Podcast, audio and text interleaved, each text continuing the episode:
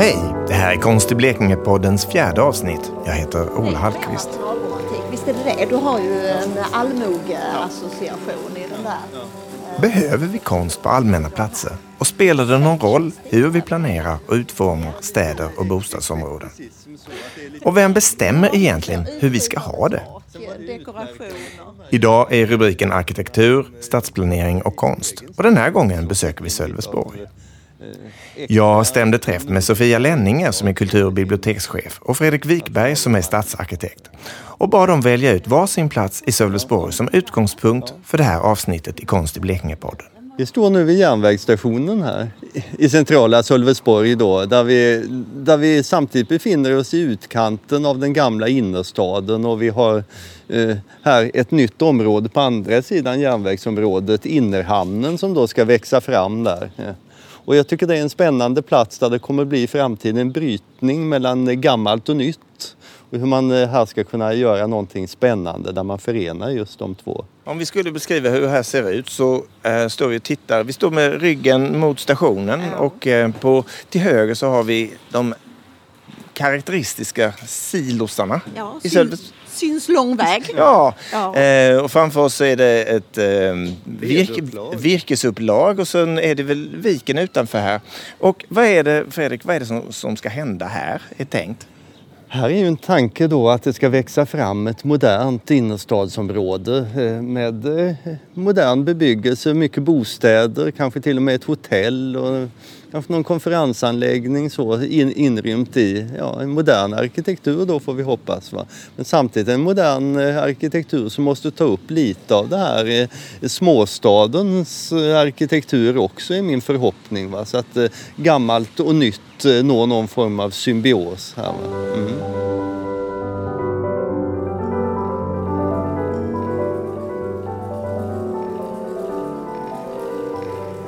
Då är vi alltså i Sölvesborg med Konst i Blekinge-podden. Eh, tanken var med det här avsnittet att vi skulle vandra runt i Sölvesborg och titta på konst och arkitektur i det offentliga rummet. Men eh, så här i början på sommaren så är vädret lite eh, inte riktigt att lita på. Så att eh, nu har vi hamnat i kommunhuset tillsammans med Sofia Lenninger och eh, Fredrik Wikberg. Sofia, du är kultur och bibliotekschef här i Sölvesborg. Men förutom det, vem är Sofia Lenninger? Oj, Sofia Lenninger hon är kulturhistoriker, um, naturmänniska. hon är Ja, vad ska, ja, vem är jag? det var en svår fråga. Men vi ställer den till Fredrik då, förutom att vara stadsarkitekt här i Sölvesborg. Vem är du?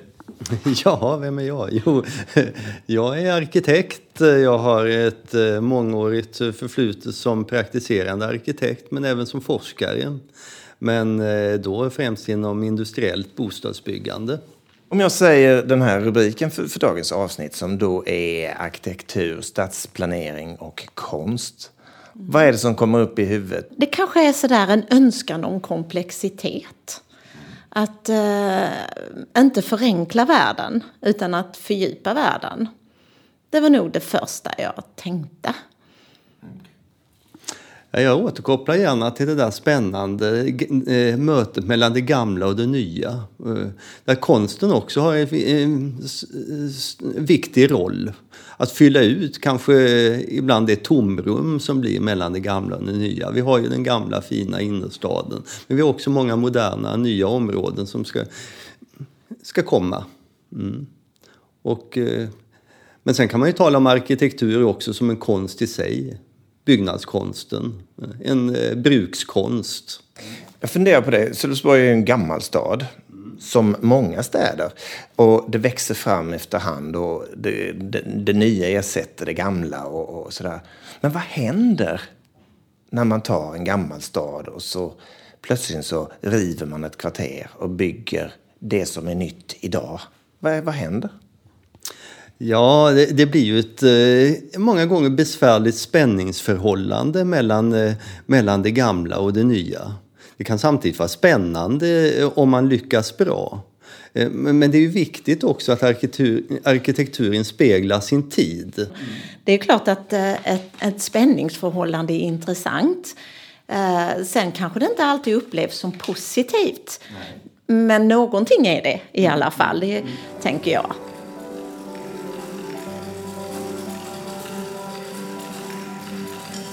När vi idag tittar på hus som byggdes för 100-150 år sedan så, så, kan man ofta bli imponerad av detaljer och utsmyckningar och, och, eh, och sådär. Det är väldigt mycket änglar och, och jävlar och, och, vad det nu är, fåglar och sånt där. Som, som man kan när man höjer blicken och tittar upp. Um, idag ser inte nya byggnader ut på det viset. Vad, vad händer med staden när man förändrar ett sånt liksom, uttryck? Ja, det, den, eh, man kan ju säga på något vis att den, den, eh, den simplifieras, förenklas, urvattnas i mycket av det som, som ger människorna det här, eh, de här viktiga intrycken som man behöver för att hur kom, det sig, hur kom det sig att man la så mycket både tid och pengar på att göra den typen av utsmyckningar för i kyrkor och på, och på hus? form av eh, liksom, statushöjande, visa burskap, visa framgång, stadens liksom, rika borgerskap och handel, handelns betydelse. Då. Eh, men i, när man kommer till en stad idag så består den ju av väldigt många lager. Det är många tidsåldrar som samsas på samma yta. Det är på något sätt definitionen av en vital stad. Eh, så. Jag tänker att det är väldigt svårt. Vi, vi, var, vi, vi funderar ju över det här området nedanför järnvägsstationen som ska bli ett helt nytt område i Sölvesborg. Planerat på en och samma gång. Kanske inte bebyggt på en och samma gång men de, de, de, eh, de stora strukturerna är uppdragna vid ett, i ett sammanhang. Går man in i en äldre stadskärna så består ju staden av väldigt många tidslager. Det är det ena. Den består också av väldigt många olika funktioner. Väldigt många Många olika sorters människor har haft anledning att gå dit och vara verksamma där. Och det ger avtryck i stadsbilden. När man då stadsplanerar, hur förhåller man sig till att det är så många skikt och så många funktioner? Ja, det är ju rätt så svårt, speciellt i en gammal stad där man, där man inte bara kan eh, gå på gamla stilideal och skapa pastischer och få någon museal karaktär på hela staden. Det måste ju också vara en stad som kan rymma de moderna funktioner som kanske inte fanns eh, förr. Det man hade förr i torghandel och så, det har man inte i samma utsträckning idag.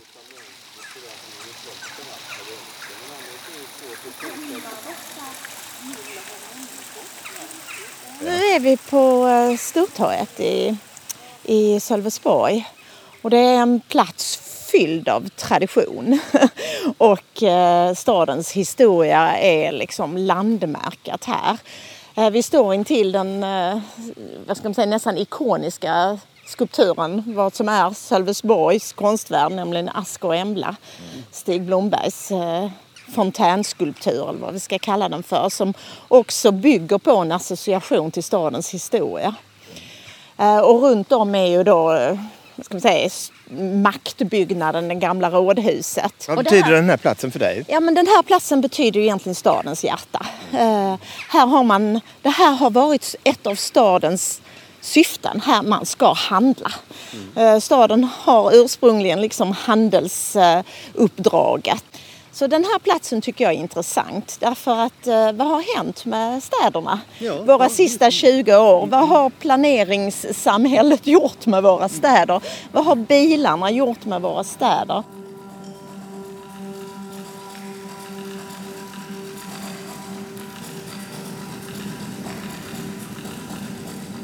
Det var en litet, ett litet besök på torget i Sölvesborg där vi såg bland annat skulpturen Asko Embla. Sofia, i din roll som kultur och bibliotekschef, ehm, hur ser du på ditt ansvar och din uppgift när det gäller konsten i Sölvesborg? Um, ja, jag tänker uh, egentligen det i ett sammanhang av olika kulturyttringar. Att uh, mitt viktigaste uppdrag uh, är att underlätta och ja, framförallt underlätta och möjliggöra för en mångfald av kulturyttringar varav konsten är en. Ehm, jag har ju också eh, ett eh, fokus eh, på kulturmiljöer. Ehm, det är ju lite kopplat till min bakgrund som kulturhistoriker naturligtvis. Ehm, och då tänker jag att konsten är den, det den kan tillföra det är ju det här moderna perspektivet på vår historiska miljö. Eh, det tycker jag är viktigt. Eh, och därför att det historiska just inte ska bli musealt utan den här miljön ska fortfarande kännas angelägen. Och där kan ju då moderna element i form av nutida kommentarer eh, vara viktiga. Om man är lite mer konkret, moderna element och nutida kommentarer, vad, vad kan det vara? Jag tänker också på ett annat projekt som har varit i Sölvesborg. Jag har, var inte här då. Eh, det var ett eh, böneutrop på silosarna. Eh, och det väckte ju otroliga reaktioner. Det var både mycket omtyckt, det var väldigt illa omtyckt. Detta var kanske för 15-20 år sedan någonting. Men jag kan säga det att man pratar fortfarande om det. Det var ju en eh, installation. Det kom och det gick. Men minnet av det är i allra högsta grad levande. Eh, det tycker jag är ett exempel på en eh, modern, eh, hur man kan tillföra någonting, både tillfälligt och kanske permanent. Nu blev detta inte permanent, men det tror jag att en kommentar, en, en skarp och intressant kommentar måste man också vara beredd på att den är tillfällig. Och det behöver inte vara negativt på det viset att man tar att det försvinner, utan det intressanta är vad som händer efteråt, hur man pratar om det. Det tror jag är någonting vi kan jobba mycket, mycket mer med än vad vi har gjort. Men där kan jag ju fundera då över kopplingen till stadsplanering och arkitektur. Där du säger att ja, konsten kan vara tillfällig och kommenterande. Hus bygger man ju för att de ska finnas länge. Hur förhåller man sig där då? Väldigt intressant frågeställning och mycket svår frågeställning också. Inte bara för mig som stadsarkitekt utan också för de som eh, önskar bygga någonting. Eh, eftersom man nästan eh, själv känner då många gånger, verkar det som, ett krav på sig att anpassa sig till den här gamla miljön mer än vad man kanske nödvändigtvis måste. För att många gånger så är det ju inte stilelementen, formspråken precis, utan det är ju många gånger det här som kommer tillbaks till det, skalan och, och kanske färgmaterial och, och färgmaterial och så. Idag gästar Konst i Blekinge-podden Sölvesborg. Här träffar vi Sofia Lenninger som är kultur och bibliotekschef och Fredrik Wikberg som är stadsarkitekt och hör deras funderingar och tankar kring arkitektur, stadsplanering och konst. En jättestor fråga. Vilka värden tillför god arkitektur och konst i det offentliga rummet? Eh, tillför ju naturligtvis enorma eh, eh, värden egentligen som man inte kan mäta då på det här eh, viset i pengar eller någonting. Utan, utan det, är ju, det är ju just tillför kanske just den här möjligheten att eh, lättare kunna identifiera sig, vara stolt över sin eh, stad och sin omgivning tror det är oerhört viktigt att, att konst och arkitektur får sticka ut lite. Och, och, kanske är det så att vi alltför ofta är för lagom eh, och, och inte vågar riktigt i Sverige eh, som man kanske vågar utomlands. Mm. Jo, men samtal, kommunikation, diskussion naturligtvis. Men också att man så att säga känner att man blir förankrad på en plats genom en eh, gestaltning. Mm. Men vi kunde ju ha mer kommenterande konst naturligtvis för att få igång eh, ett, ja, det är någon form av demokratiskt samhälle där, där frågan är öppen kring eh, vem vi är och varför vi samlas och så. Jag tycker det är en viktig funktion kanske framåtblickande konst på något vis. Där vi, där, som, eh, konst som inte bara reflekterar eh, eh, som, som är igen, ger det här igenkännandet, det vi har sett innan, utan det som är spännande och nytt tror jag är väldigt viktigt för folk. För, mm. Tänkte ställa frågan till dig Fredrik. Eh, I det här perspektivet, det är det vi, kring det vi pratar om. Vad får dig att känna dig eh, riktigt nöjd i ditt jobb som stadsarkitekt? Ja, eh, nu är jag relativt ny som stadsarkitekt i stan här men jag tror jag har alldeles utmärkt möjlighet att att nå fram med någon form av budskap så småningom i, i och med att eh, småstaden ger ju helt andra möjligheter att skapa den här eh, identifikationen med, med, med, sin närmiljö i de, de, eh, material, de redskap som jag har att använda. Man kan titta på gatubeläggningar, man kan titta på armaturer, man kan titta på, på, på, på bänkar, hur platser utformas, att man på något vis skapar någon form av eh, schema för hur, hur man, hur man eh, hur man skapar platser så, så, att det ger igenkänningseffekter och identifikation, inte bara med en plats utan med hela... Något som håller samman Sölvesborg? Ja, det, det, är just det som jag tänker lite att eh, sådana möjligheter har man som stadsarkitekt mycket mer i en liten stad än, än i större.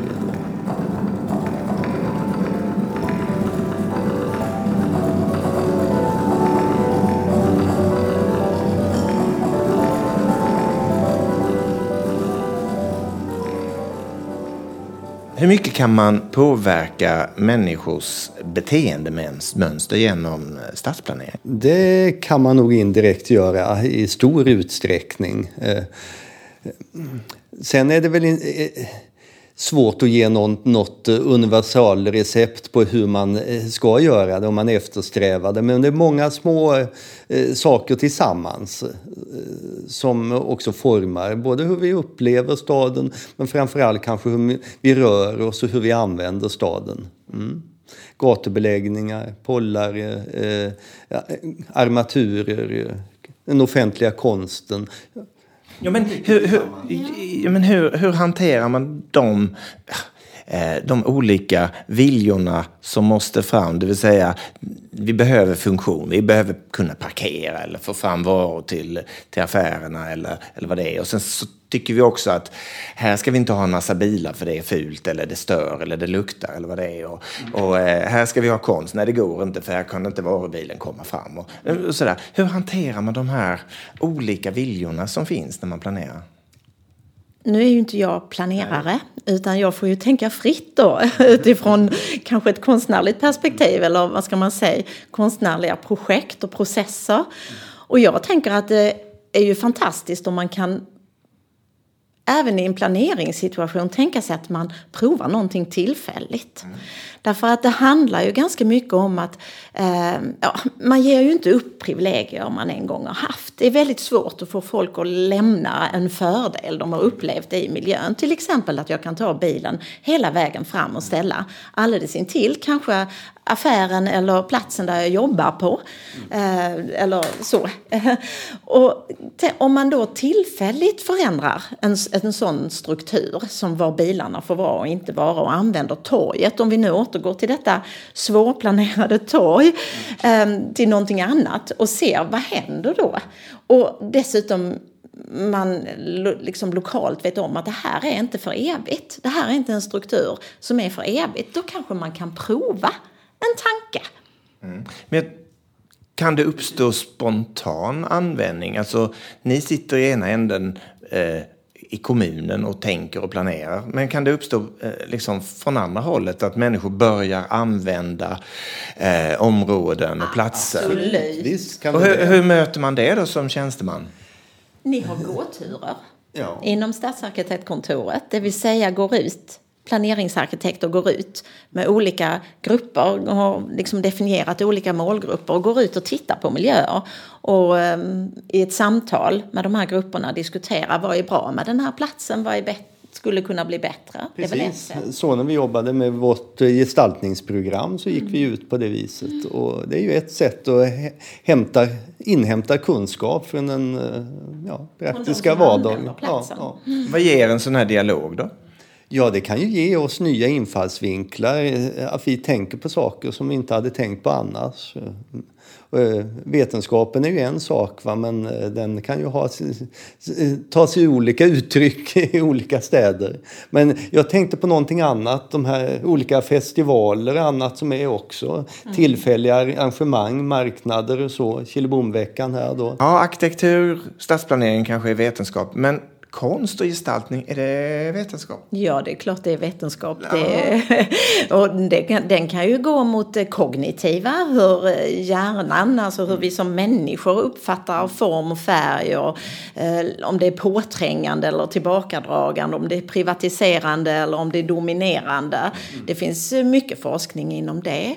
Men det finns ju också vad ska man säga, forskning som är i, i skärningspunkten då mellan planering, sociologi och gestaltning.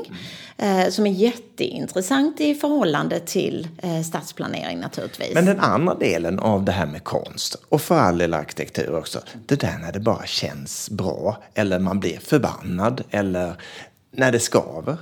Ja, men då får du ha, då får du välja vilket perspektiv är du intresserad av. Är du en socionom eller sociolog eller beteendevetare så kan du ju tycka att den där eh, skavfunktionen är väldigt intressant att studera för den säger ju någonting om eh, mentaliteten i just det samhället. Vad är det som skaver? Normen när den skaver kanske. Det, det finns ju ganska intressanta processer man kan iaktta och som bidrar till det här komplexa samhället som vi kanske pratade om lite från början. Att ett alltför likriktad planering och alltför likriktade miljöer där bara en sorts människor rör sig, då blir det en levande stad. Eller får vi då de här döda ytorna? Arkitekten rör sig i samma eh, konstiga eh, eh mellanområde mellan, eh, mellan kon, eh, konsten och vetenskapen, den precisa vetenskapen och den friare konsten. Eh, där man har att försvara mjuka frågor mot hårda.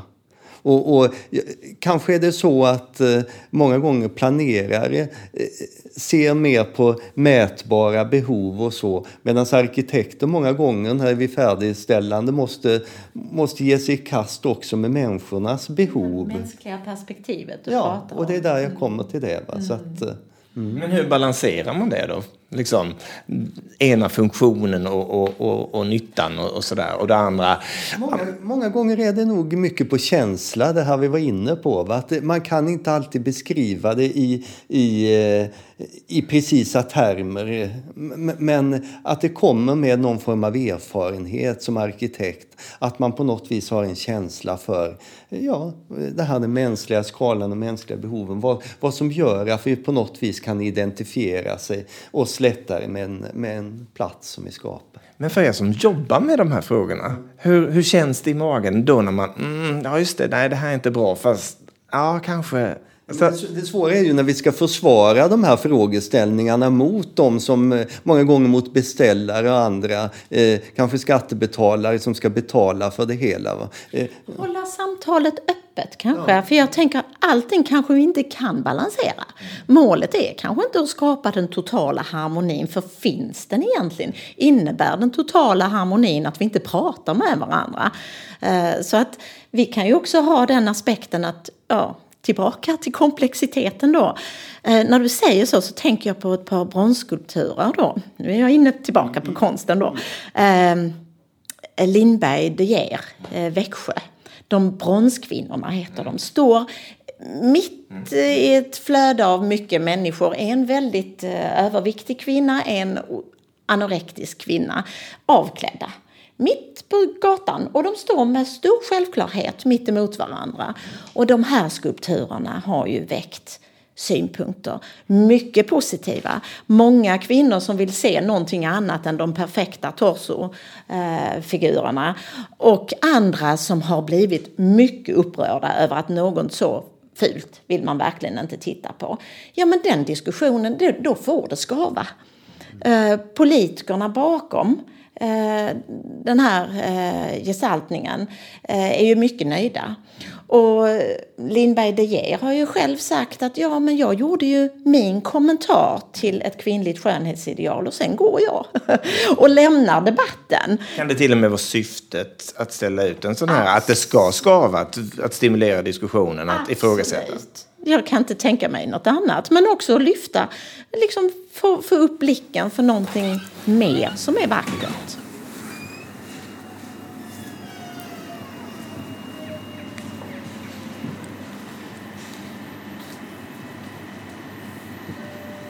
Hur hänger konst, arkitektur och stadsplanering ihop? Det hänger ihop väldigt mycket. Inte minst därför att eh, stadsplaneringen och arkitekturen eh, bildar ju på något vis de rum inom vilket som eh, konsten då eh, eh finner sin plats. Konsten skapar rummen. Ja, det är vilken ände vi ser det naturligtvis. Ett, ett gott samspel är ju, måste till. Ja. Mm. Men man kan ju fundera på om allt för mycket allt för ambitiös stadsplanering riskerar att skapa en livlös miljö. Om man tänker så som samhällen byggs idag.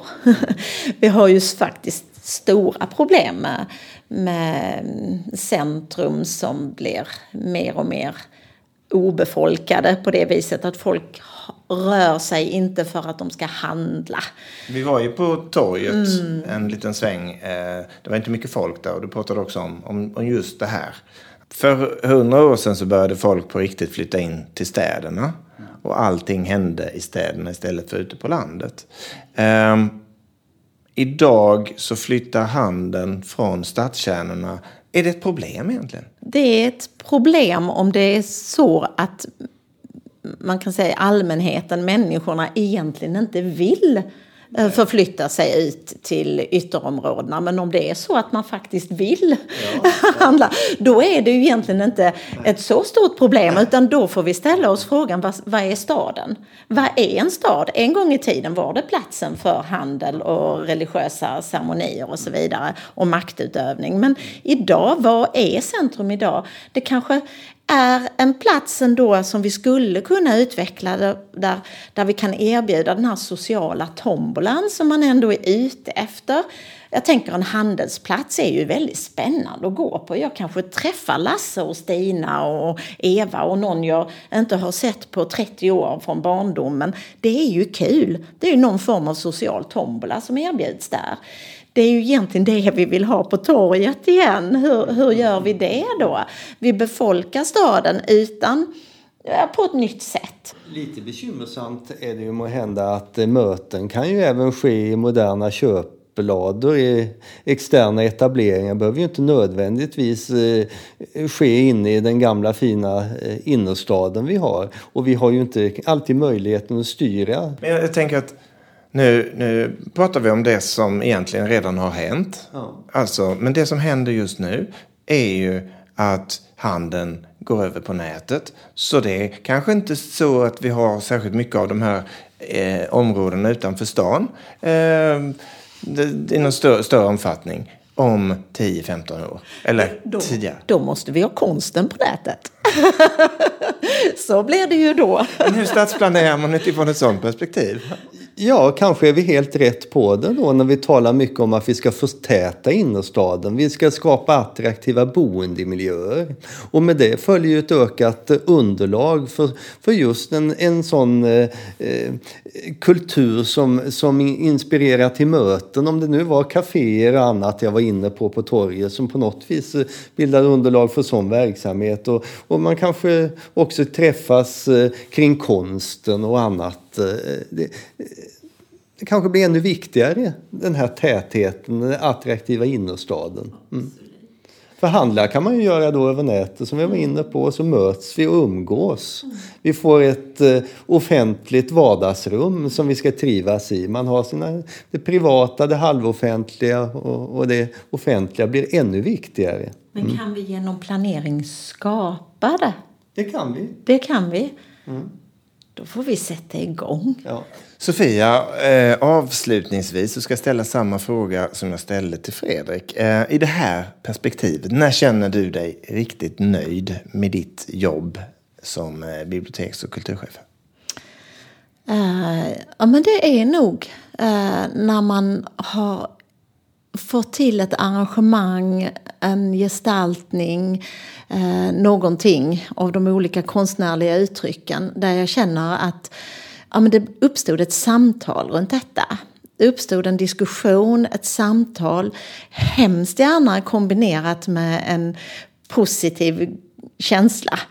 Eh, den får gärna vara utmanande, men nå, nå, någonting som får en att upptäcka något nytt eller känna något nytt och att det är positivt och att det kommer att leva kvar. Att det så att säga inte går över eh, bara för att vi plockar bort eller för att arrangemanget är, är avslutat utan det lever kvar och har öppnat ögonen på några människor, vem det nu är, eh, på ett nytt sätt. Då är jag riktigt nöjd. Vilket härligt besök det blev i Sölvesborg. Vad kul att få träffa er, Fredrik Wikberg, eh, stadsarkitekt och Sofia Lenninger, kultur och bibliotekschef. Tack för att jag fick komma hit. Tack ska du ha. Mm, tack.